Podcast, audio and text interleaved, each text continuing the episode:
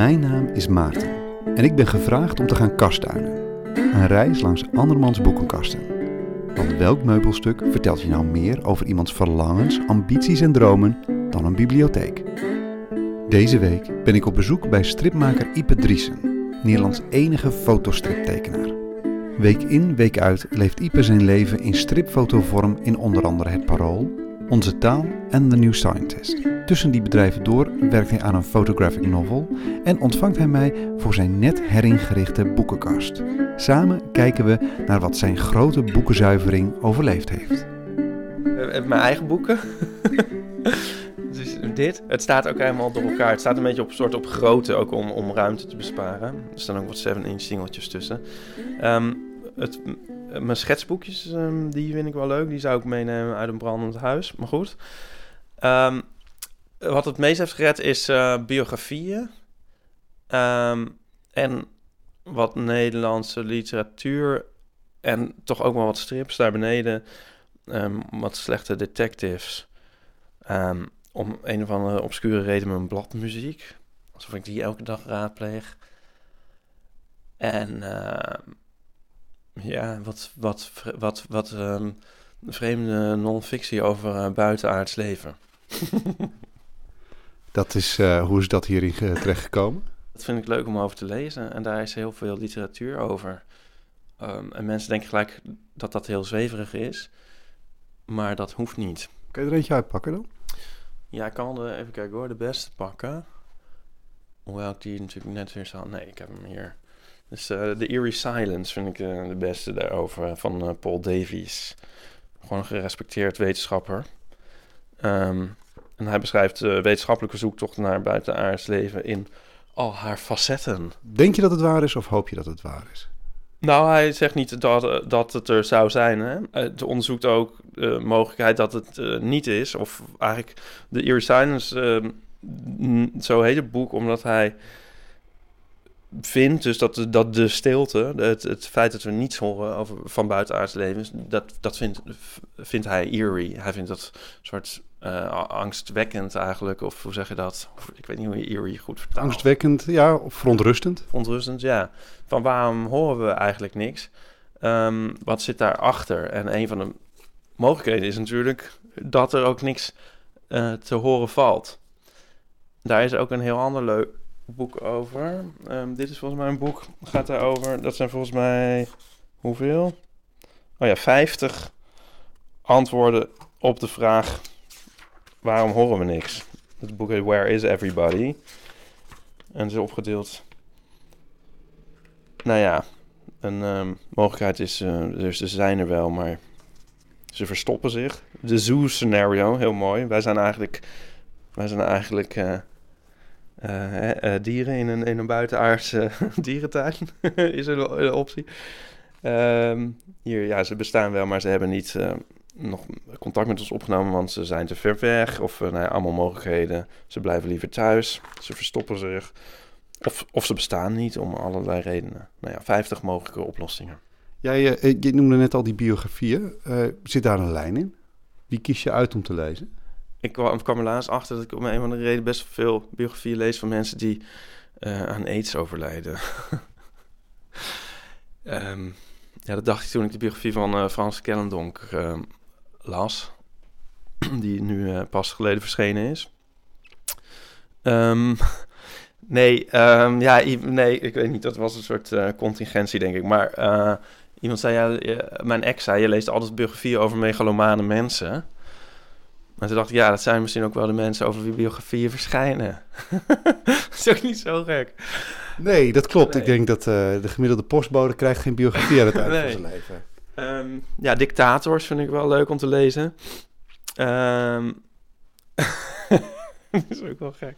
Kunstenaars, dictators. Ehm, even kijken, waar, waar, ja, waar houden die zich ook allemaal op? Eh, de beste vind ik, de, die ik heb gelezen, is de biografie van eh, deze, van eh, Oscar Wilde. Vond ik echt fantastisch. The Secret Life of Oscar Wilde, door Neil McKenna. Ja, dat vind ik een soort thriller. Het is gewoon... eh, dat is eigenlijk het enige boek volgens mij dat ik, waarbij ik een soort nacht heb overgeslagen om maar door te lezen. En eh, Hoezo? omdat, ja, vooral die rechtszaak ehm, vond ik ongelooflijk spannend. Leg even uit voor mensen die het misschien niet helemaal hebben. Ehm, ja, oh god, het is nog zo vroeg op de ochtend. Hij, ehm, werd, eh, hij had een jonge minnaar, Bozi, en, ehm, van eh, Adel. En de vader van Bozi, die eh, eh, was daar woedend over. En die ehm, beschuldigde Oscar Wilde van sodomie. En Wilde die spande daarop een proces aan tegen, wegens smaad tegen die, tegen die vader. En ehm, nou, die rechtszaak ging helemaal niet goed. En toen werd eigenlijk het, de, de klachten omgedraaid. Want het was, was eigenlijk wel duidelijk dat Wilde inderdaad de herenliefde was toegedaan. En ehm, ja, dat, dat, dat leidde eigenlijk zijn, zijn val. En hij was de meest gevierde man van eh, Engeland. En ehm, toen moest hij zich dus verdedigen tegen een soort schandelijke eh, beschuldigingen. En ehm, dat verloor hij. En toen moest hij eh, de gevangenis in en hard labor. En nou ja, dat, dat, dat hele verhaal, dat wordt... ja, zijn, maar goed, zijn hele leven wordt heel boeiend beschreven. Maar dat is wel een heel erg, eh, heel erg spannend stuk. Hij, ehm, hij wordt dan verbannen naar Parijs als het goed is. Of naar ieder geval naar Frankrijk als ik het... hè, of hij, hij verband zichzelf dan... Nou, na afloop, hij zit dus die straf uit. En dan, eh, eh, ja, emigreert hij. Ja, dan gaat hij naar Parijs. En, want hij heeft wel de kans gehad om een s- soort gentlemanly, om te ontsnappen, zou ik maar zeggen. Dus hij kreeg die straf opgelegd en hij, had de kans om meteen de benen te nemen en die straf niet uit te zitten. En dat, dat, is, dat is wel het toffe van Wild, dat hij eh, dat dus niet gedaan heeft. Snap je? Hij is een soort martelaar eigenlijk geworden voor, voor homoseksualiteit. Ehm, denk je dat hij dat zelf ook zo zag? Dat laatste, die martelaar voor die homoseksualiteit? Ehm, nou ja, eh, ik weet niet waarom hij het anders gedaan zou hebben. Ehm, maar goed, dan zou ik dat boek weer eens moeten herlezen. ik eh, vind het wel prettig om dat zo te zien, ja. Kom je nou dichter bij het genie van deze verschillende mensen door die biografieën te lezen? ja. Dus eh, weet je wel zeggen van je moet niet je, ehm, je, moet niet je idolen ontmoeten. En eh, in die zin zou je ook kunnen zeggen, je moet niet de biografie van je idolen lezen. Maar ik heb daar toch niet zo'n last van. Ik moet ook denken aan Morrissey of zo, die nu... Ik ben fan van Morrissey, de muziek. Ja, ja moet gelijk even lachen. Eh, hij, hij heeft... eh, ja, die zegt, eh, ze zegt dan dingen die helemaal uit de bocht vliegen. Ehm, maar er moet toch wel wat meer gebeuren... voor ik dan het werk in de prullenbak gooi. Hij doet zijn best. Een van de dingen die ik altijd zeg is... je moet mensen eigenlijk beoordelen op hun beste werk, vind ik. Dat vind ik. En ik, de, de crap of zo, ja, die neem ik wel voor lief. Maar daar ga ik niet mijn oordeel op vestigen. Ik, ik ben zelf ook... ehm, ik heb zelf ook veel te veel gepubliceerd, zou ik maar zeggen. ik bedoel, ik doe niet uitspraken als Morrissey... maar als je gaat kijken naar mijn... als je allemaal slechtste werk verzamelt... dan kun je ook denken van... eh, Jesus, wat is dit? Maar dat moet je niet doen. Je moet kijken naar, naar het beste. En het is een beetje growing up in, in public. Eh, wat vind je van eh, Morrissey als schrijver? Ehm, ja, die de autobiografie is een beetje een hard read. Ligt hij hier nog ergens? ja, hij staat daarnaast Andy. Dan moet, ja, ik moet al lachen als ik het zie. Ik heb, geen, ik heb geen, zelf geen sterke eh haatverhouding met Morrissey. Maar ik moet vooral lachen dan als ik deze... Het is in die Penguin Classic eh, uitgave. En dan zie je met, dit, met deze foto... waarvan je zeker weet dat hij er zelf een stem in heeft gehad. Ja. ja, hij is ehm, ergens ehm, een jaar of tien geleden begonnen met eh, archieffoto's op zijn hoezen te zetten. Dat is wel grappig. Zijn, nieuwe, zijn, laatste LP die komt nu opnieuw uit in een luxe editie volgende week. En die heet Low in High School. En er staat ook een foto van Morrissey in high school op. Maar hij, hij wil niet meer helemaal weten hoe hij er nu uitziet, eh, blijkbaar. Want dit is een foto uit, ja, wat zal het zijn? Mm, 87 of zo. Wat maakt het lezen van zijn boek zo schra- Ja, het is gewoon een heel ondoordringbaar iets. Nou, sowieso met... Ik heb niet zoveel autobiografieën gelezen... maar je wil eh, volgens mij altijd iets anders weten dan wat mensen zeggen. En eh, hij doe, hij, je kom, hiermee kom je niet echt dichter bij eh, de man in ieder geval. Het is misschien meer een soort rookgordijn. En eh, ik vond het ook heel vollig.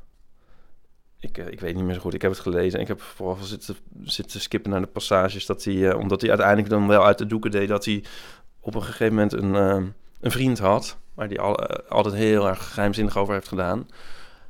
Uh, maar goed, er was er dan eentje. Dus dat, dat, dat was natuurlijk het meest interessant. Maar in Amerika is, is het, zijn, er, zijn net die twaalf bladzijden eruit gehaald. Is waar? Ja. Om, uh, uh, waarom? nou, ik denk dat hij alweer spijt had. Toch te veel gezegd. Hoe werkt dat voor jou eigenlijk in jouw werkstoel? Hoe groot is het verschil tussen de figuur die we daar in de strip zien en de, de, de maker die bepaalt welke foto's en welke teksten daarin terechtkomen? Ja, even denken. Ja, nu zeg je weer zo wat. Want dat is natuurlijk ook een soort autobiografie. Nee, ja, ik probeer niet te liegen, zou ik maar zeggen. Dus je kan alleen maar redactie doen door, wat je, door dingen weg te laten, zou ik maar zeggen. Ik ga niet dingen verzinnen, erbij verzinnen. Ehm, dus in die zin ehm, is, klopt het wel. Alleen je krijgt misschien niet het hele plaatje. Word je nou ijdeler of juist minder ijdel van jouw werk? Jij als maker bedoel ik dus. Uh, ja, allebei. Je ziet jezelf heel erg uh, wel ouder worden. ik was laatst ho hooglijk in de war, want ik, ik, ik, kwam erachter dat mijn beeld van mezelf meer op mijn foto's gebaseerd is dan op uh, mijn spiegelbeeld. Ik had een, ik heb hier wat, ik, nou weet ik nog, nou weet ik niet meer. Nee, aan welke kant is het nou? Ik heb een dingetje op mijn oog. Toen stond ik in de spiegel en was ik in de war en dacht ik, hé, het zat toch aan de andere kant. Ik, ik zie het trouwens niet hoor. Wat... Nee, het is een... Uh, ziet... Oké, laat maar. Ja. We gaan door. en toen dacht ik... Nou, in ieder geval dacht ik... Hè? Het zit aan de andere kant. Hoe kan het nou? Maar goed, het kwam omdat ik van de foto ken meer dan van... Ja. Dat lijkt me inderdaad heel bevreemdend, ja. ja, jij vroeg nog naar andere fotostrips trouwens. Want ik, die, die, die heb ik dus wel. Um, ik zal het even wat pakken. Kijk, dit soort dingen. De Fiesta dat vind ik wel leuk om uh, te verzamelen. Ik ben er heel anders naar gekeken. Deze is uit. Staat hier een jaartal op? Nee. Nou, hier 1982. Oh, kijk, een platenzaak. Het is dat platenzaken nu terug zijn. Maar anders zou je dus kunnen zeggen van... Hé, hey, kijk wat een grappig tijdsbeeld. Toen waren er nog platenzaken. um, Ja, dus dit is zeg maar mijn vorm, maar dan weer anders. Het zijn, het zijn gewoon stripverhalen met foto's, maar ik bedoel, ik heb het, soms denken mensen dat ik het hele medium zelf heb uitgevonden. Dat is natuurlijk niet zo. Wat, um, wat, is, uh, wat maakt een goede foto voor een fotostrip? Nou, deze foto's zijn altijd heel statisch, vind ik. En die mensen acteren bijna niet, zie je. Die, uh, ze hebben hun mond dicht. Dat was, is een van de dingen Volgens mij ben ik de enige fotostripmaker die hun figuren hun mond open laat doen. Um, hun houdingen zijn ook heel statisch. Ik weet niet waarom dat is. Ik snap niet. Nu ik foto's maak, weet ik wat een moeite het is. Ik, ik, weet dat dit heel erg moeilijk moet zijn geweest om dit te maken. Maar ik snap niet dat ze niet net even wel zijn gaan acteren en even wat actiever zijn gaan staan en al die dingen zijn gaan doen. Wat is dit? Welke is deze? Wat... Dit hier hebben we een romance.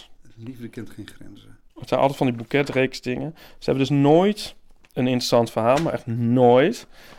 Dat snap ik dus ook niet van. Is er dan nooit iemand geweest die heeft gedacht van... hey, dit, dit medium, deze vorm, maar dan wel een interessant verhaal. En dan even die mensen even een beetje actiever neerzetten. Ik, ik snap dat gewoon niet. Er zijn duizenden, echt duizenden, tienduizenden van dit soort dingen gemaakt. Um, maar ik denk dat, dat het ook te maken heeft met, met een uh, verwachtings... Dat, dat, dat men dacht dat de le lezeres, ga, ik gewoon zeggen... want volgens mij werd het echt bijna alleen maar door vrouwen gelezen... dat die dat niet wilde. Snap je? Uh, dus die, dat, dat, dat, um, dat vermoed ik. Dus, uh, dus dat ze een, voor een cateren voor een bepaald publiek voor wat zij dachten dat, dat het publiek wilde. En wat gebeurt hier in deze, deze verhalen?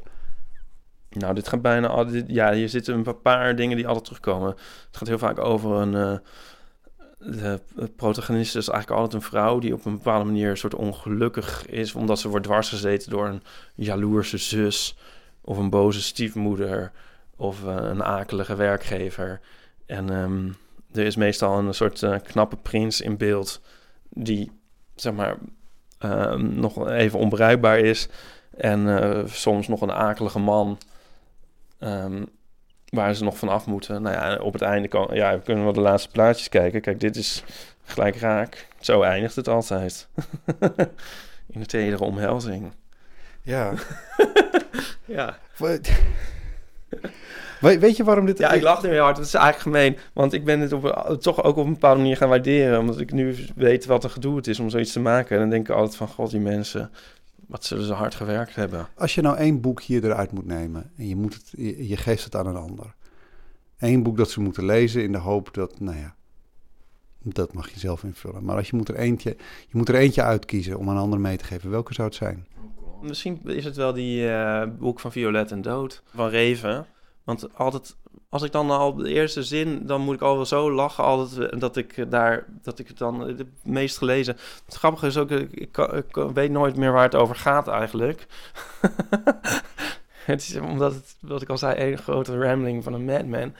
Dus je kan het ook heel vaak lezen. Dit is geschreven door een zoekende en zwervende ziel. Houd het hierna volgende zo lang mogelijk geheim. Het gehele verhaal gaat eigenlijk niemand iets aan, maar moet toch zo spoedig mogelijk opgeschreven worden. Dat is wel grappig, toch? nee, veel komt er niet in voor. Ik zie iemand, ik zie die iemand nog één of twee keer en daarna verdwijnt hij op tragische wijze. Slechts zijn kleren, enige schilderijtjes van zijn amateurspenseel en een aantal saaie, door zijn vrienden vervaardigde in memoriam gedichten worden mij getoond. Voor die schilderijtjes van hem en voor die in memoriam gedichten van zijn vrienden heb ik geen belangstelling. Wel echter voor die kleren. Maar die kleren krijg ik niet. En de gehele stapel, ruim een meter hoog, wordt weggeschonken aan het Rode Kruis in plaats van aan mij. Is dat rechtvaardig? Denk er eens over na. U leest veel en hebt een bezonkener oordeel dan ik. Maar nu dat verhaal waar ik het over had. Hoor je toch meteen? Dat is toch unputdownable? Dit was de 18e aflevering van Kastduinen. Kastduinen is onderdeel van de Slaakast, een podcast gemaakt in opdracht van de Stichting Literaire Activiteiten Amsterdam. Abonneer je voor meer verhalen, gesprekken en avonturen in literatuur. Je kan ons vinden in onder andere de iTunes Store en op Stitcher. Zoek op Slaakast, S-L-A-A-C-A-S-T en klik op abonneer. Goed, dat was het. Tot de volgende keer.